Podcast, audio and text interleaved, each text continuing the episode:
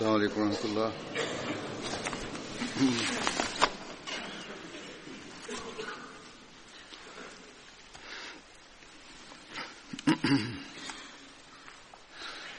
أشهد أن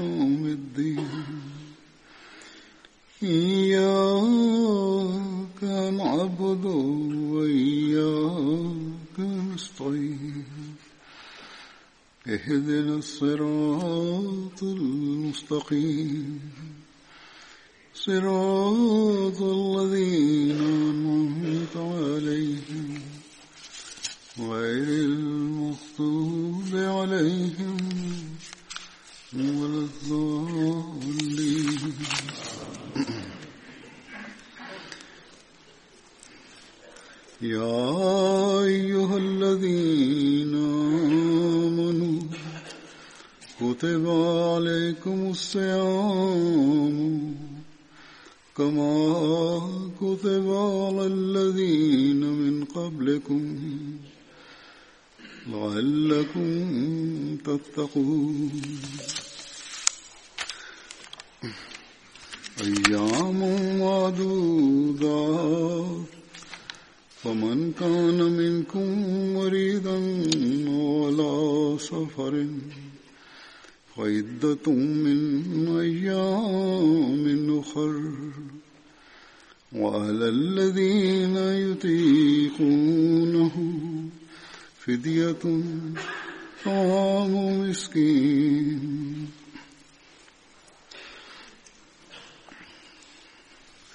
فمن تطوى خيرا فهو خير الله وأن تصوم خير لكم إن كنتم تعلمون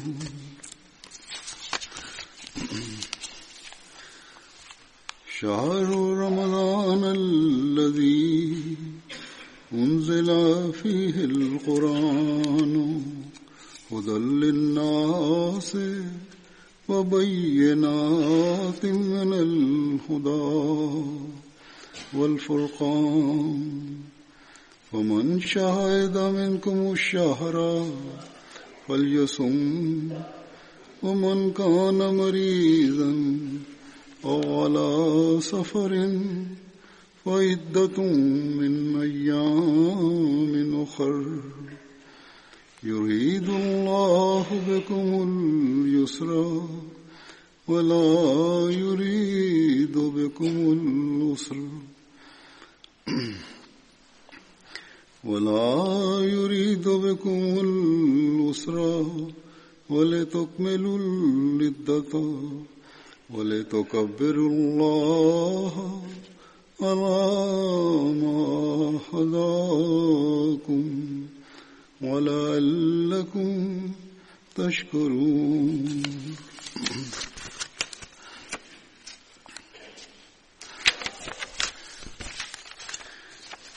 وإذا سألك عبادي أني فإني قريب وإذا سألك عبادي أني فإني قريب أجيب دعوة الداع إذا دعاني فليستجيبوا لي وليؤمنوا بي وألهم يرشدون Bismillahirrahmanirrahim, prevodi ovih ajeta su Ovi koji vjerujete, propisuje vam se post kao što je bio propisan onima prije vas, da biste postali bogobojazni. Određen broj dana, ako god od vas bude bolestan ili bude na putu, neka posti isti broj drugih dana a onima koji ne mogu da poste otkup fidija je da nahranite jednog siromaha. Ako god dobrovoljno učini neko dobro djelo, to je bolje za njega. Ako postite, to je bolje za vas, da samo znate. Mjesec Ramazan je onaj u kojem je Kur'an objavljen kao jedna uzvišena uputa za ljude u kojem je jasno objašnjenje upute i furkana, razlikovanja istine od neistine. Zato kogod god je od vas prisutan u ovom mjesecu, neka posti, a kogod god je bolestan ili je na putu, neka ispuni broj drugih dana. Allah vam želi olakšicu i ne želi teškoće za vas i želi da upotpunite broj i da veličate Allaha što vas je uputio da budete zahvalni. A kaj moji robovi pitaju za mene zaista ja sam blizu, ja odgovaram na molitvu molitelja kad me zove, zato oni treba da se odazovu meni i da vjeruju u mene da bi bili upućeni. Hazur kaže uzvišeni Allah je spomenuo u ovim ajetima naređenja o postu i naše dužnosti prema postu. U toku ovog mjeseca dužnosti vjernika i primanje dove Allah nam je dao takav mjesec u kojem uzvišeni Allah prilazi tako blizu ljudima, a šetan je zaključan u lance. Kad nam je uzvišeni Allah podario toliku milost i također vrata blagoslova su otvorena za ljude, onda mi moramo da uradimo puno punu pravdu prema ovom Allahovom naređenju. Časni poslanik sallallahu alejhi ve sellem je spomenuo jednom da samo kad bi znali odlične vrijednosti Ramazana i kako Allah obaspe njegovu milost na vas, poželili bi da je cijela godina Ramazan, da cijelu godinu budemo primaoci blagoslova uzvišenog Allah.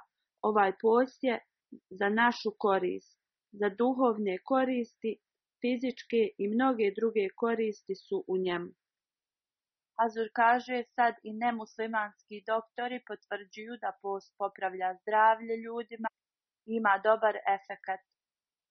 Neki pišu radi posta ljudi postaju disciplinovani. Pravi vjernik treba da ovo osjeti, da li to neki eksperti govorili u vezi posta ili ne, treba da osjeti da dok posti njegovo fizičko stanje se popravlja, ali što više njegova duhovna, duhovni popravak je sve viši i viši. Mi moramo da pratimo naređenje uzvišenog Allaha u tu mjeseca Ramazana, koje je i uložite najveći trud da naše duhovno stanje se popravi.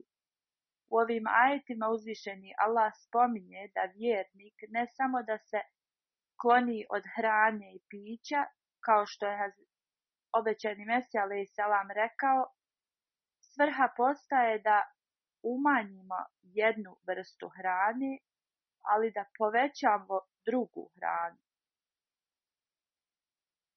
I ovo trebaju da imaju na umu svi postači, Post nije samo da po čitav dan gladujemo, postač treba da bude zauzet i da spominje Allaha, tako da osoba potpuno se odvoji od stvari koje su grije i kompletno se preda uzvišenom Allahu i da radi zikr. Sve manje i manje pozornosti treba da daje ovo svjetskim stvarima, naravno mi moramo da izvršavamo svakodnevne dužnosti, ali i dok njih radimo, trebamo da se sjećamo višenog Allaha i radimo zikr. Uvijek budite svjesni naređenja uzvišenog Allaha. Svrha postaje da osoba ostavi fizičku hranu, ali treba da dobije drugu hranu koja daje dovoljstvo našim dušama i to nam daje zadovoljstvo. Oni ljudi koji poste radi uzvišenog Allaha, a ne kao da se pokazuju drugima, ti ljudi trebaju da veličaju i hvale uzvišenog Allaha i trebaju uvijek da rade stvari koje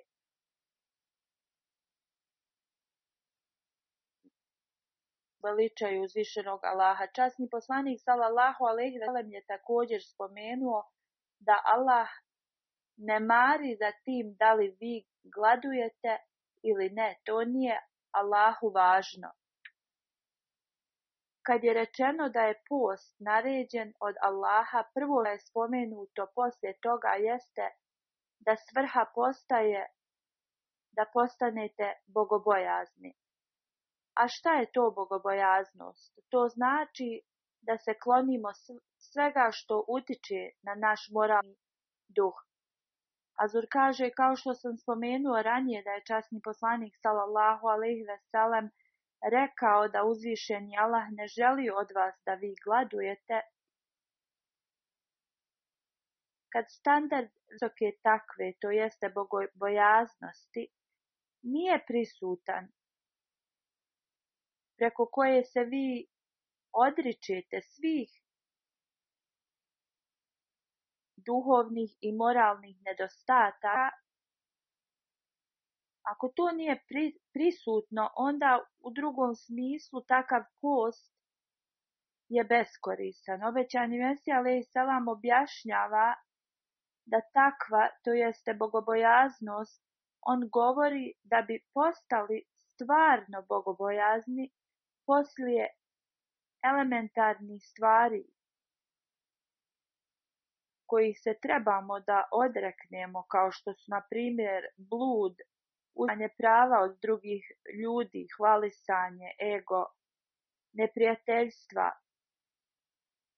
Osobe moraju biti čvrste da se drže što dalje od loših dijela, ali u isto vrijeme oni moraju da povećaju radnju dobrih dijela. i ovi ljudi moraju biti vrlo ljubazni kad se sastaju sa ljudima i da pomažu drugima ovakvo ponašanje treba da bude prisutno i kad kad osoba popravi svoj moral onda ta osoba treba da ima istinitu vezu i lojalnost, jer ovo je vrlo važno da postignemo bogobojaznost. Totalna lojalnost uzvišenom Allahu je neophodna i trebamo da se molimo veliku povezanost i stepen prema uzvišenom Allahu. Ovo će da nam pokaže dužnosti prema Allahu i drugim ljudima. Moramo da se bezuslovno dajemo, da ljudi trebaju da kažu zaista služba ove osobe je jedino radi Allaha. I ne bi trebali da imate nikakav osobni interes. On kaže kad je ovo prisutno Ovakva osoba je bogobojazna. Ako sve nije prisutno, onda ta osoba nije bogobojazna. Uzvišeni Allah je rekao za te ljude da ovi ljudi neće imati strah, niti će žaliti za bilo čim. Allah je dao ovo obećanje ovim ljudima i poslije njega šta drugo im je potrebno kad im je ovo obećanje zagarantovano. Uzvišeni Allah se sam brine za ovakve ljude, kao što je rečeno uzvišeni Allah se brine o bojaznim ljudima. U hadisu se spominje da je uzvišeni Allah da uzvišeni Allah postane njihove ruke sa kojima rade i njihove oči kroz koje vidi i njihove uši kroz koje čuju i njihove noge sa kojim hodaju. U jednom hadisu se spominje da osoba koja postane neprijatelj od mog prijatelja, onda ja toj osobi kažem budi spreman da se sa mnom suprostaviš. I na jednom mjestu je spomenuto kad neko napadne Allahovog prijatelja, onda uzvišeni Allah uzvrati to njemu. Isto kao kad Lavica uzvrati, prijatelju. Ako je ovo status bogobojaznosti, onda jedino ta osoba, post te osobe će da ih dovede pod zaštitu uzvišenog Allaha. Ebu Hureyra u anhu prenosi da je časni poslanik sallallahu alejhi ve rekao da uzvišeni Allah kaže svako dijelo osobe je za njega, osim posta. Post je za mene. Oni pravi vjernici poste jedino radi uzvišenog Allaha. Onda je rekao, onaj koji posti radi mene, ja postajem njegova nagrada. Ja ću da mu dam njegovu nagradu. Post je kao štit i kad neko posti treba da se kloni svakog lošeg govora, svađe i ako ga neko provocira i želi da se svađa s njim, onda ta osoba treba da kaže ja postim.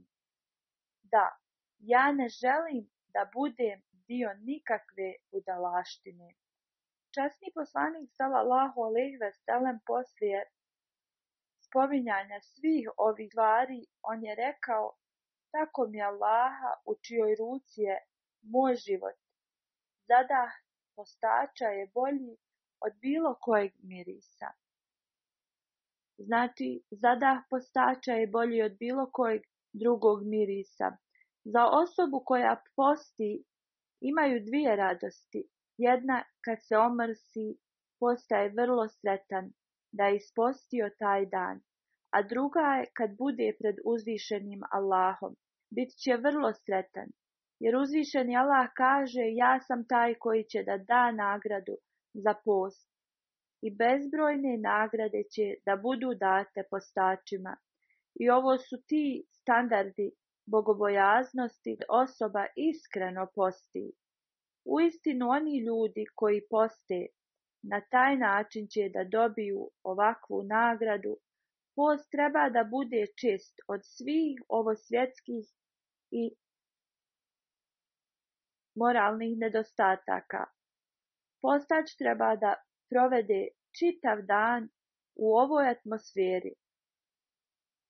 Ne treba da bude sretan da je ispostio, a njegovi namazi nisu prema standardu, niti je njegov moral prema standardu. Časni poslanik sallallahu alejhi ve kad je rekao da je šetan zaključan u lancima, onda u toku Ramazana Zašto se loše stvari nastavljaju? Post je štit od šetana za one ljude koji iskreno razume svrhu posta i koji postignu bogobojaznost. Ovo moramo uvijek da imamo na umu. Časni poslanik Allahu alaihi veselem je također spomenuo da nema sumnje u toku mjeseca Ramazana. Vrata dženeta su otvorena, a od Džehennama zatvorena i šetani su zaključani, ali naprotiv tome on nas je upozorio i skrenuo nam je našu pažnju na to da ako osoba provede ovaj mjesec Ramazan, a ne bude mu oprošteno, on nam govori ovo muslimanima koji poste i kojima je post obaveza i naređenje, i u ovim danima obožavam uzvišenog Allaha i postignemo visoki standard bogobojaznosti. Ali ako to ne uradimo, onda kao što je spomenuto, da vrata dženeta su otvorena, a džehennema zatvorena i da je da je šeitan u lancima, to se neće desiti ovakvim osobama. I njima je ova opomena upućena da uzvišen Allah, iako njegova milost je ogromna, iako niste dobili oprost od Allaha u toku Ramazana, onda kako ćete to da postignete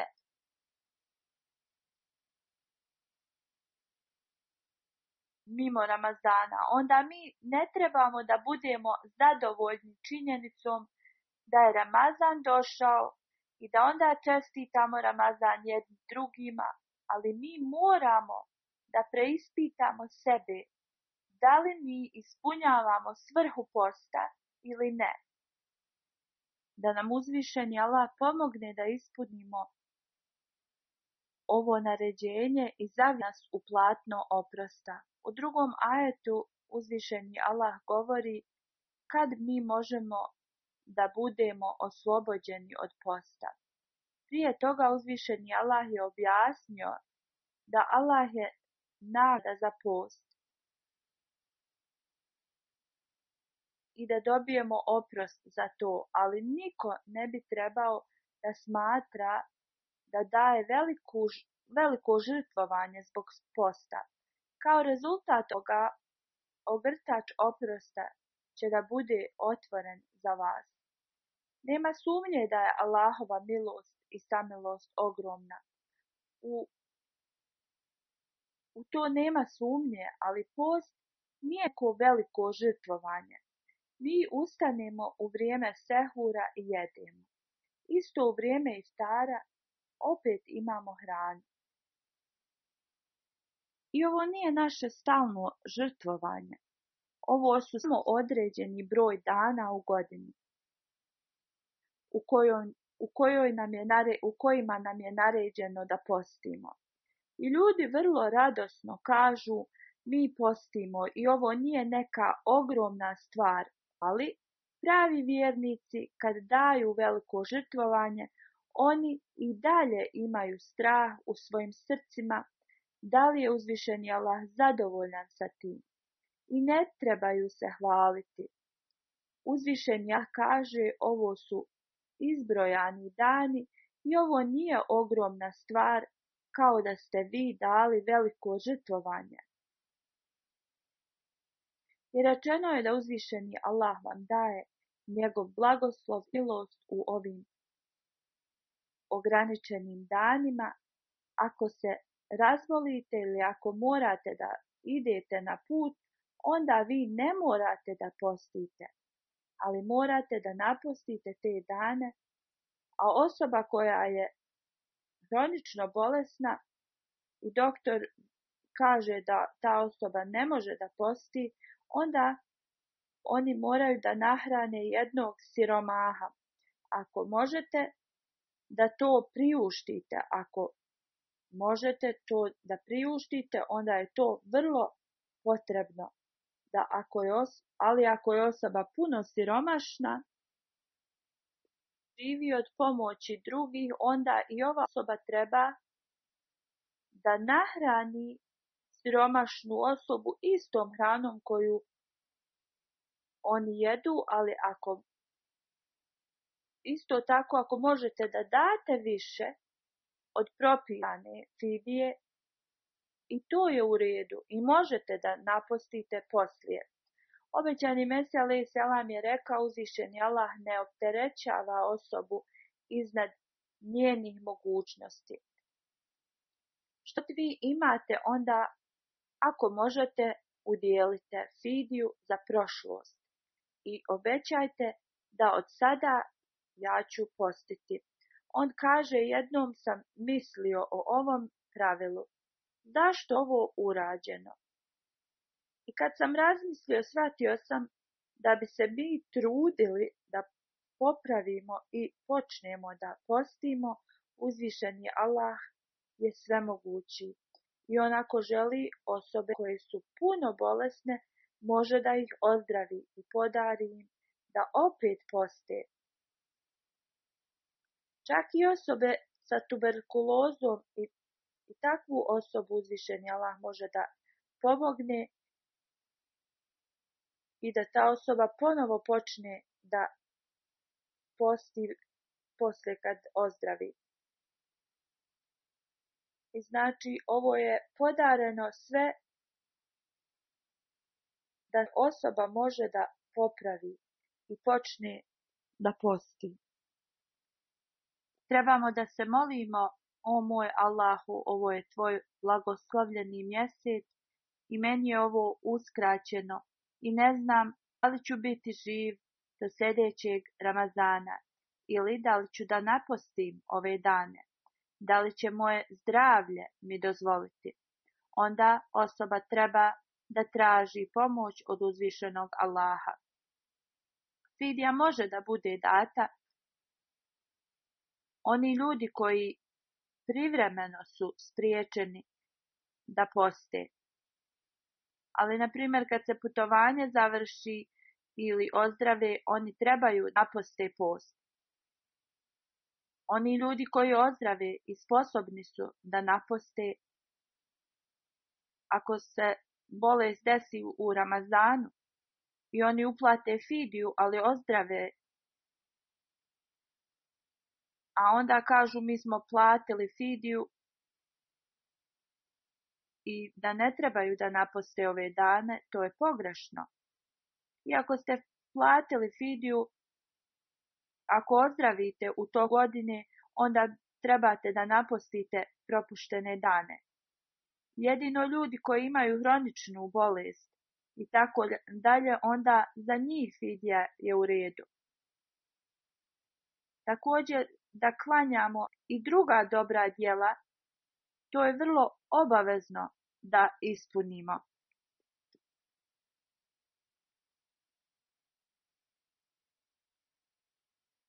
Ne možemo da smatramo zato što smo platili fidiju da je to u redu i da im je oprošteno. Znači i oni koji plate fidiju ali nastave rade trebaju da nastave da rade dobra djela. Oni postupaju ispravno. Oni koji plate fidiju i zanemare druga dobra djela, ih ne čini iskrenim vjernicima. Blagoslovi Ramazana Ko dobije ove blagoslove? Uzvišeni Allah kaže Šta god dobro uradite i ako nešto vam se i ne sviđa, ali vi to uradite zbog uzvišenog Allaha, onda će uzvišeni Allah da vas nagradi za to.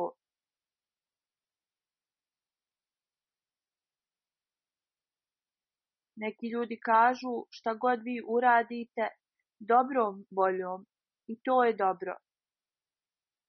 I ova oba dva objašnjenja su tu da možete da platite fidiju i da možete da nahranite samo jednu osobu ili više osoba. Ako neko ne može da posti, ali oni plati, plati fidiju, i to je dobro djelo. A uzvišen jala kaže, to je dobro za vas da li ta dobra djela bila sa naporom ili ih radili sa punom srećom i zadovoljstvom, bit ćete nagrađeni. Na kraju ovog ajeta Allah je opet spomenuo da post je vrlo dobar za vas. U sljedećem ajetu uzvišenje Allah kaže mi smo objavili časni Kur'an u mjesecu Ramazanu. Časni Kur'an je izvor upute za vas i u njemu su jasni znaci za vašu uputu. Časni Kur'an ima posebnu vezu sa Ramazanom. Kad postač posti treba da uči Kur'an i da razmisli o njegovom značenju i nađenjima i da ih slijedi. I tako ćemo istinito da imamo korist od njih. Svi bi trebali da razmišljaju duboko o učenju koje je u časnom Kur'anu.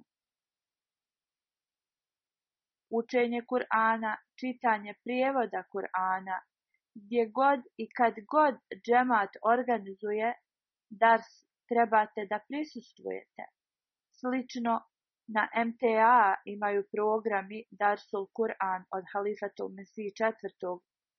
I to treba, da pratite. Časni poslanik sallallahu ve sellem je rekao da osoba treba puno da uči časni Kur'an. Učenje Kur'ana u ovom mjesecu morate da obratite pažnju na to.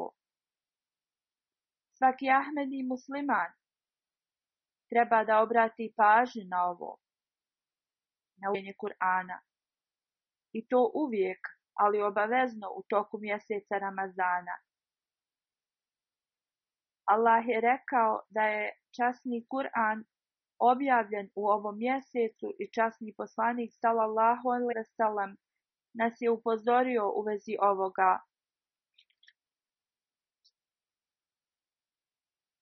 I kako smo mi blagoslovljeni da u ovom vremenu uzvišeni Allah nam je omogućio da slijedimo iznitog sljedbenika časnog poslanika sallallahu alaihi veselem, to jest obećanog Mesiju alaihi salama. On nam je objasnio duboko značenje časnog Kur'ana i Disa. On nam je naredio da damo čast časnom Kur'anu i da obratimo specijalnu pažnju na učenje časnog Kur'ana. Moramo da učimo sa velikom pažnjom i da slijedimo naređenja i da napravimo promjenu u svom životu. Obećani Mesija alaih salam govori ovo svjetsko znanje i znanje iz časnog Kur'ana su dvije različite stvari i postoji velika razlika između njih. Postoje razne knjige iz raznih nauka, astrologije, hemije, fizike i tako dalje. Da bi čitali ove knjige, one ne zahtijevaju da osoba bude bogobojazna i da osoba treba da bude redovna u namazima. On je spomenuo vrlo važnu stvar. Da bi shvatili časni Kur'an, važno je da postimo i da klanjamo namaze i da povećavamo našu bogobojaznost. Za druge nauke ovo nije potrebno. Trebamo da pratimo sva narednja iz časnog Kur'ana, ali to nije potrebno za obične ljude. Ali za one koji žele da postignu znanje iz časnog Kur'ana, onda je ovo neophodno. Spomenuto je da svako djelo i sve što radite ne igra predstavu za ostale nauke, ali da bi postigli znanje iz časnog Kur'ana, ove stvari su neophodne da ih ispunjavamo i svako djelo koje uradimo treba da bude prema praćenju islama. Mnogo puta smo svjedoci da ljudi koji su eksperti u ovosvjetskim naukama postanu ateisti i radije griješne stvari. Ovo možemo da vidimo po Europi i Americi, da iako su uznapredovali u ovosvjetskim nauka, ipak se ne vidi neki napredak. Oni uvijek imaju neke nove inovacije, ali njihovo moralno i duhovno stanje je na nivou sramote. Sad vidimo na današnjici više nego u vrijeme obećanog Mesija Lej salama da u, ime slobe, slobode moral opada sve više i više. On kaže u parkovima Londona i hotelima u Parizu stvari koje se objavljuju ne mogu ni da ih spomenem. Ali za, kur, kuransko značenje i kuransko znanje. Prvi uslov da bi to postigli jeste bogobojaznost. Istinito pokajanje je obavezno za ovo. Ako osoba sa najvećim poniženjem krušenosti ne ispunjava uvjete i ako se ne boji uzvišenog Allaha vrata kuranskog znanja nisu otvorena takvim ljudima i bogobojaznost se ne može postići ako samo pomisao na Allaha naša duša ne zatreperi, da bi imali razumijevanje o znanju iz časa Kur'ana, bogobojaznost je neophodna. On kaže Kur'an je Allahova knjiga i njegovo znanje je u, rukama. Uzvišeni Allah onda kaže da takva bogobojaznost je korak prema razumijevanju znanja iz časnog Kur'ana. Onda kad budete koristili takvu, to je bogobojaznost, onda ćete razumjeti znanje i mudrosti koje se nalaze u časnom Kur'anu. onda kaže koliko je moguće da osoba koja nema vjere i loša je osoba i oni ljudi koji su zarobljenici ovo svjetskih želja, kako oni da dobiju ovo? da steknu ovo znanje ako samo kažu ja sam musliman.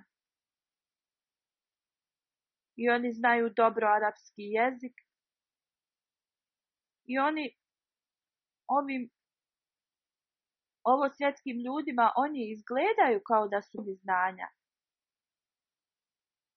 Ako je ovo znanje njima dostupno i oni nauče gramatiku arapskog jezika, i razumiju prijevod časnog Kur'ana, ali nisu bojazni i čisti, onda oni nikad neće dobiti istinito kuransko znanje i razumijevanje.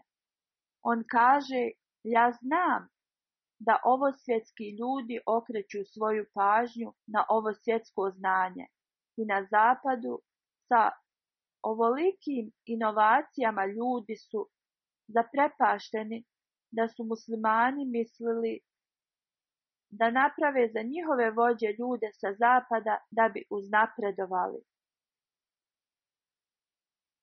U smislu na ovo svjetski napredak. I oni ovo smatraju, smatraju kao da je najvažnije.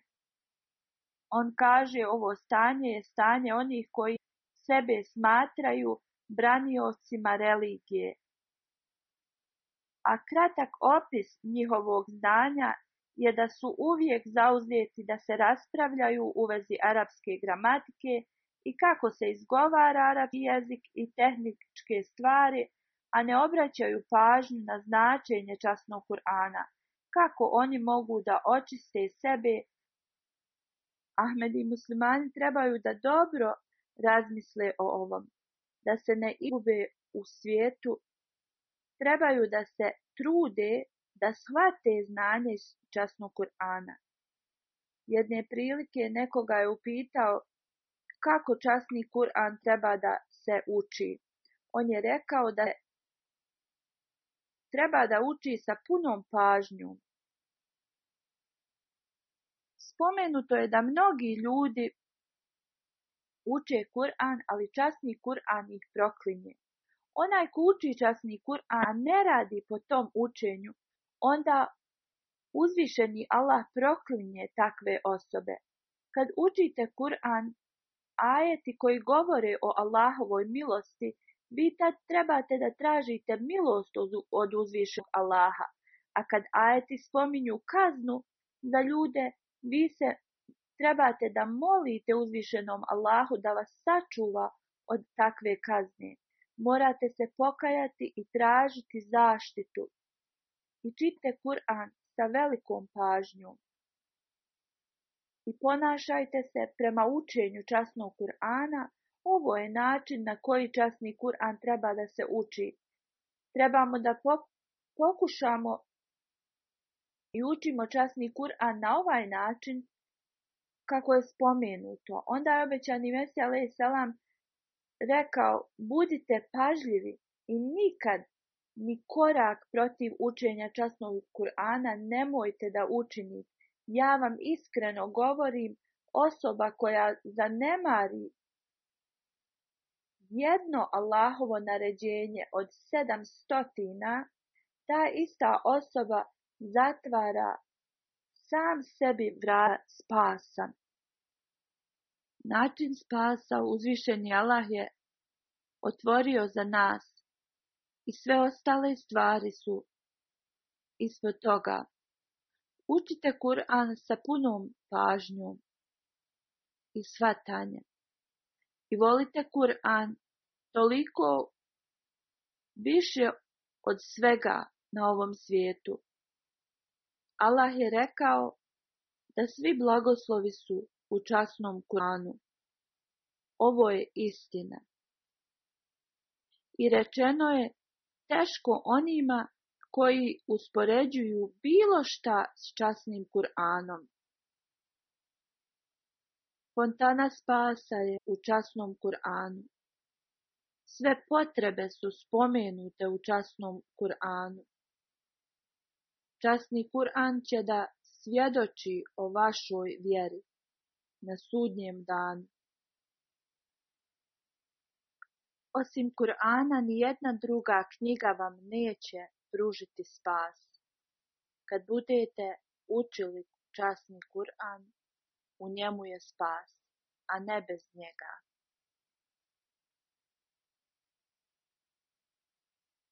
Uzvišeni Allah je pokazao prelijepe blagoslove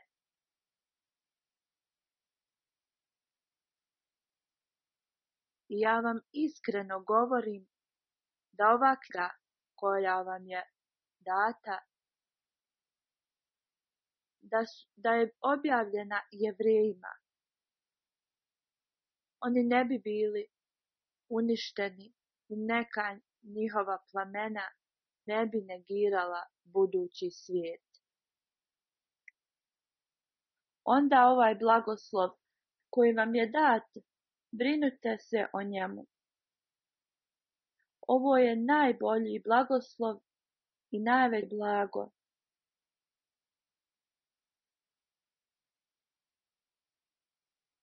Da časni Kur'an nije objavljen, čitav svijet bi bio kao komad prljavštinje.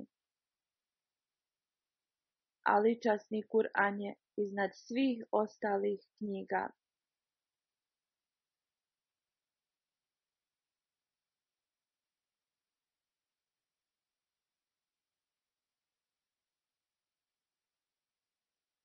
Tako da učite Kur'an u ovom blagoslovljenom mjesecu moramo biti vrlo pažljivi. Ljudi obraćaju pažnju na učenje Kur'ana u toku Ramazana. A trebaju da učine ovo da bude dio njihovog svakodnevnog života. a ne samo u toku Ramadana. Uzvišeni Allah je usmjerio pozornost vjernicima da uče časni Kur'an. I ovo je svrha da kad prolazi kroz mjesec posta, vi okrećete punu pažnju prema časnom Kur'anu.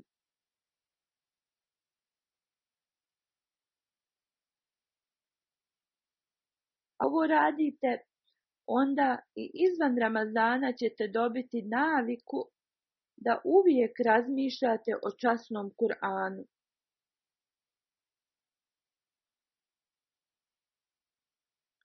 Bogobojazno treba da se na, nastavi i poslije mjeseca Ramazana. Ova uputa nam je došla preko našeg časnog poslanika Muhameda sallahu alaihi ve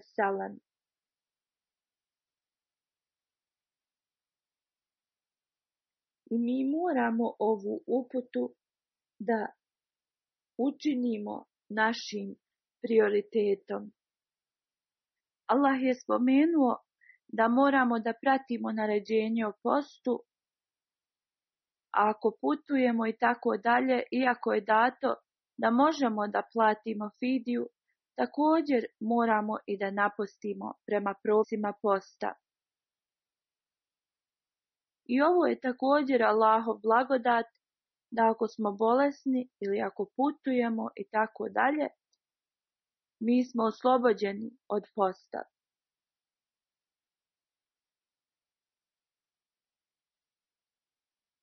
Drugim riječima, uzvišeni Allah ne stavlja svoje robove u poteškoće. Dan, dane posta prodite u veličanju uzvišenog Allaha, u zikru i molitvama. I budite zahvalni uzvišenom Allahu koji vam je poslao ovakvu uputu. Uputa koja je kompletna i koja ne izostavlja ništa.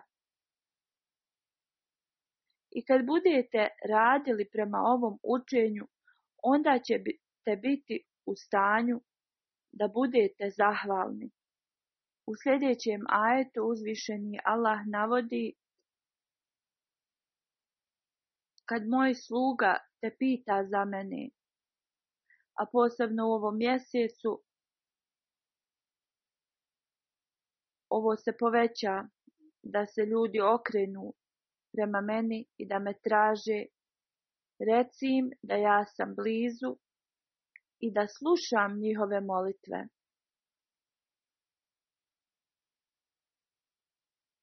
Ali da bi njihove molitve bile primljene, oni moraju da povedu pa-, pažnju o mojim naređenjima.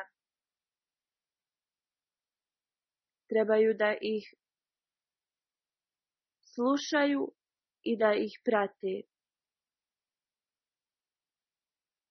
I da naprave svoju vjeru jakom.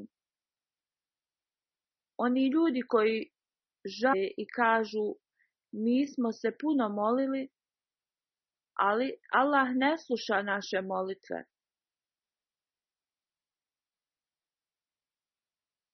I onda samo nakon nekoliko dana počnu da prave ovakve prigovore.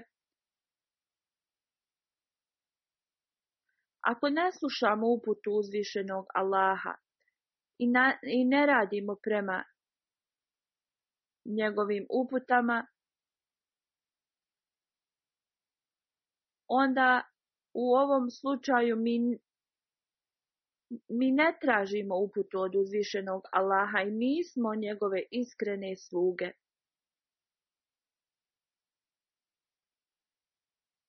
Jedino to radimo kad smo u teškom stanju. Kad imamo problem, tad počnemo da ga dozivamo. Ali poslije zaboravljamo njega. Pa kako onda da opravdamo naše prigovore? Mi prvo moramo sebe da reformišemo. Da bi popravili sebe, mi imamo da radimo na tome. Da bi dobili Allahu milost, mi se moramo moliti. I onda uzvišeni Allah će da nam podari sve da budemo zadovoljni. kako će Allah da primi naše molitve? Ako je naše srce zadovoljno, onda i to je znak da su naše dove primljene. Istinite sluge i vjernici i oni koje Allah voli, Allah će da primi njihove molitve. U Ramazanu vjernici prvo trebaju da se moli, da uzvišeni Allah primi njihove molitve i da se trude na, na tome, Allah će da im primi njihove molitve. Onda moramo da se dobro potrudimo, jer nemamo pravo da se žalimo na Allaha i da Allah ne prima naše ove, da govorimo to. Postoje načini kako da se molimo i također stvari koje moramo da ispunimo.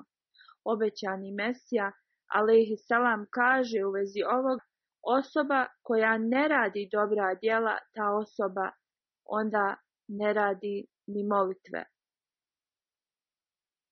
Ta osoba je stavljena na iskušenja i mora da radi i daje sve od sebe da shvati šta je ispravno značenje molitvi. Nemojte da mislite da ako klanjate svaki dan i da kažete to su naše molitve. Da, namaz je uistinu naša molitva ali koji su uslovi i svrha namaza. To je vrlo neophodno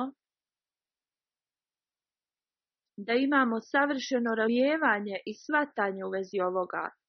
To je nešto što kompletno uništava prljavštinu i to je šta nam donosi milost gospodara. To je kao smrt koja daje život na kraju. To je kao vrlo vje, jak vjetar, ali pos, poslije postaje prebivalište u, o, u oluji. Sve što je loše postaje dobro kroz Allahovu milost. Svaki otrov postaje antidota. Ovo su koristi od ispravne rijeke Blagoslovljeni su oni koji nisu razočarali Allaha. Oni će biti oslobođeni i oni ljudi koji nisu nemarljivi prema svojim molitvama. Nikad ne trebate da propustite svoje namaze i vaše oči trebaju da budu pune suza u toku njih Vaša prsa trebaju da gore i vaša srca i da vas odvedu do mračne, do tame, ali vi postanete potpuno predani u svojim namazima. Allah kojem se mi molimo je, molimo je apsolutno pun milosti i samilosti i on je taj koji daje milost svojim pobožnim slugama. I vi sebe predajte uzvišenom Allahu i molite se sa iskrenošću i u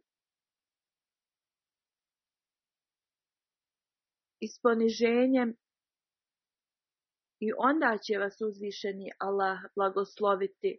Odbacite ovo svjetske stvari, uzvišeni Allah će da da čuda onima koji se mole na ispravan način i oni koji traže od uzvišenog Allaha, onda će on, on da podari i primi molitve. Molitve su od Allaha i one se vraćaju njemu i kroz njih Allah nam bude tako blizu kao što je vaša duša blizu vašem tijelu. Ovo je najveća korist, ali prvo morate da se promijenite. Molitva je takav lijek koji očisti vaše tijelo i otkloni sve sumnje i prljavštinu. Molitva zahtijeva od osobe da se nakloni gospodaru i da padne na seđdu. Osoba treba da bude spremna da prođe kroz sve poteškoće a duša kad se pokloni, to znači sva ljubav prema uzvišenom Allahu je tu i ta osoba se potpuno pokori uzvišenom Allahu i ego te osobe talno nestane. I ovo je ta molitva i slike te molitve nam je data kroz namaz tako da ova fizička molitva odvede osobu do duhovne molitve. Ovo je uvijek za nas koji moramo usvojiti za sebe tako da budemo u stanju da doživimo da naše dove budu primljene. U mjesecu Ramazanu mi ćemo možda biti u stanju da shvatimo realnost molitvi ako naše molitve nisu primljene onda postoji neki nedostatak u njima i to sa naše strane. Da bi popravili ovo, onda mi moramo da popravimo sebe i svoje postupke. Allah je vrlo blizu svojih sluga i ovim danima uzvišeni Allah dolazi vrlo, vrlo blizu. I kroz naše obavezne namaze i na file moramo se pokoriti uzvišenom Allahu više nego ikad prije. Časni poslanik sallallahu alejhi ve sellem je rekao: Prvih deset dana Ramazana su milost, sljedećih deset su oprost, a zadnjih deset su spas ljudi od džehennema. Da nas uzvišeni Allah učini njegovim iskrenim slugama i uzme nas pod zastor oprosta. U ovim danima trebate da se molite za džemat, molite se za one koji su neprijatelji Ahmedijata, da uzvišeni Allah njihove planove vrati na njih i gdje god pravili planove protiv džamata, neka uzvišeni Allah vrati to na njih. Molite se za muslimanski umet da im Allah ne dozvoli da prave nikakve prekršaje i da Povjeruju u imama vremena, molite se za stanje u svijetu, jer stanje svijeta ide u kompletnu propast, da im Allah podari da prepoznaju i da nas sačuva od ove katastrofe. Poslije džuma namaza klanjaću džanazu za dvojicu. Oni su umrli prije dva mjeseca, dr. Tahir Aziz Ahmed Sahib i dr. Iftihar Sahib iz Amerike. Oba dvojica su došli da se pobrinu za, neki, za neko zemljište u vezi kojeg su imali problema. Prvo su bili kindopovani, a onda su na vrlo brutalan način ubijeni i na i na Ove ubice, oni se ne boje da će biti uhapšeni ako ubiju nekoga, jer oni misle ubiti Ahmed i muslimana je dijelo koje zaslužuje nagradu, i njihovi vjerski učenjaci će da učine sve da ih oslobodi. Zbog toga što je ovo razlog njihove smrti i na način na koji su ubijeni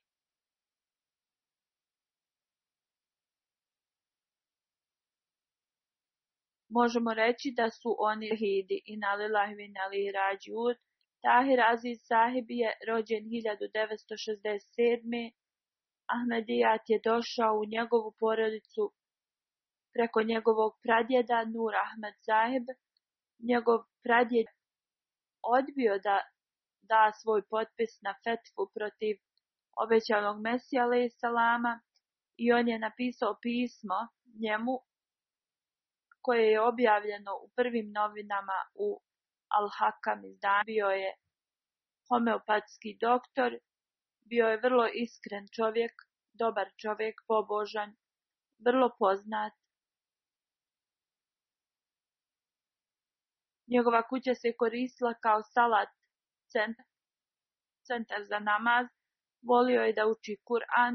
Mnogi neahmedi su došli, izrazili su da je ovo veliki gubitak za državu, osim supruge iza sebe ostavlja dva sin i čirku. Njegov sin je ovdje u Londonu. Uzeila sad je stariji brat koji je vakfe Zindagi. Prvo je služio na MTA, a sad služi u džamiji.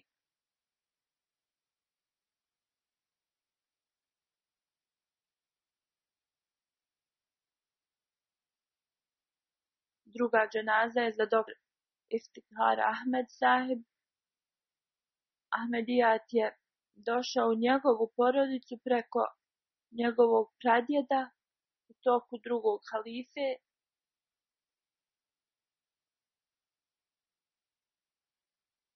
Njegov otac je predavao hemiju na Talimul Islam koleđu.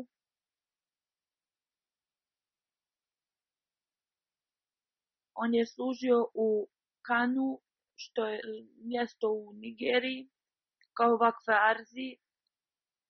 I onda poslije MBA diplome je preselio se u Pakistan i živio je tu 15 godina.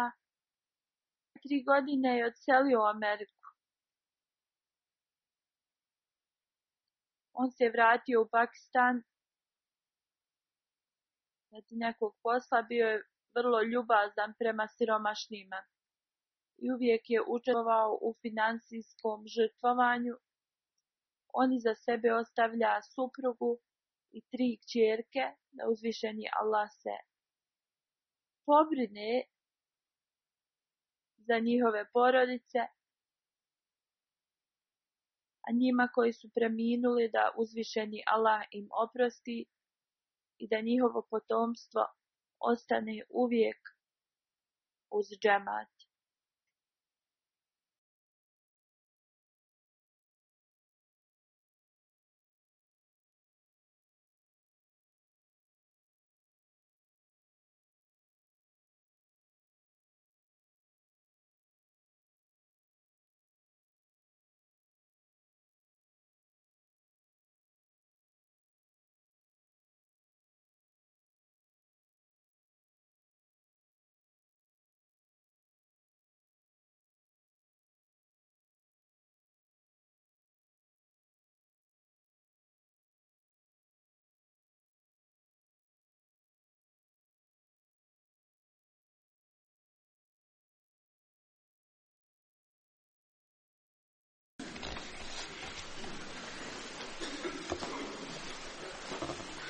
الحمد لله الحمد لله نحمده ونستعينه ونستغفره ونؤمن به ونتوكل عليه ونعوذ بالله من شرور أنفسنا ومن سيئات أعمالنا من يهده الله فلا مضل له ومن يضلل فلا هادي له ونشهد ان لا اله الا الله ونشهد ان محمدا عبده ورسوله عباد الله رحمكم الله إن الله يأمر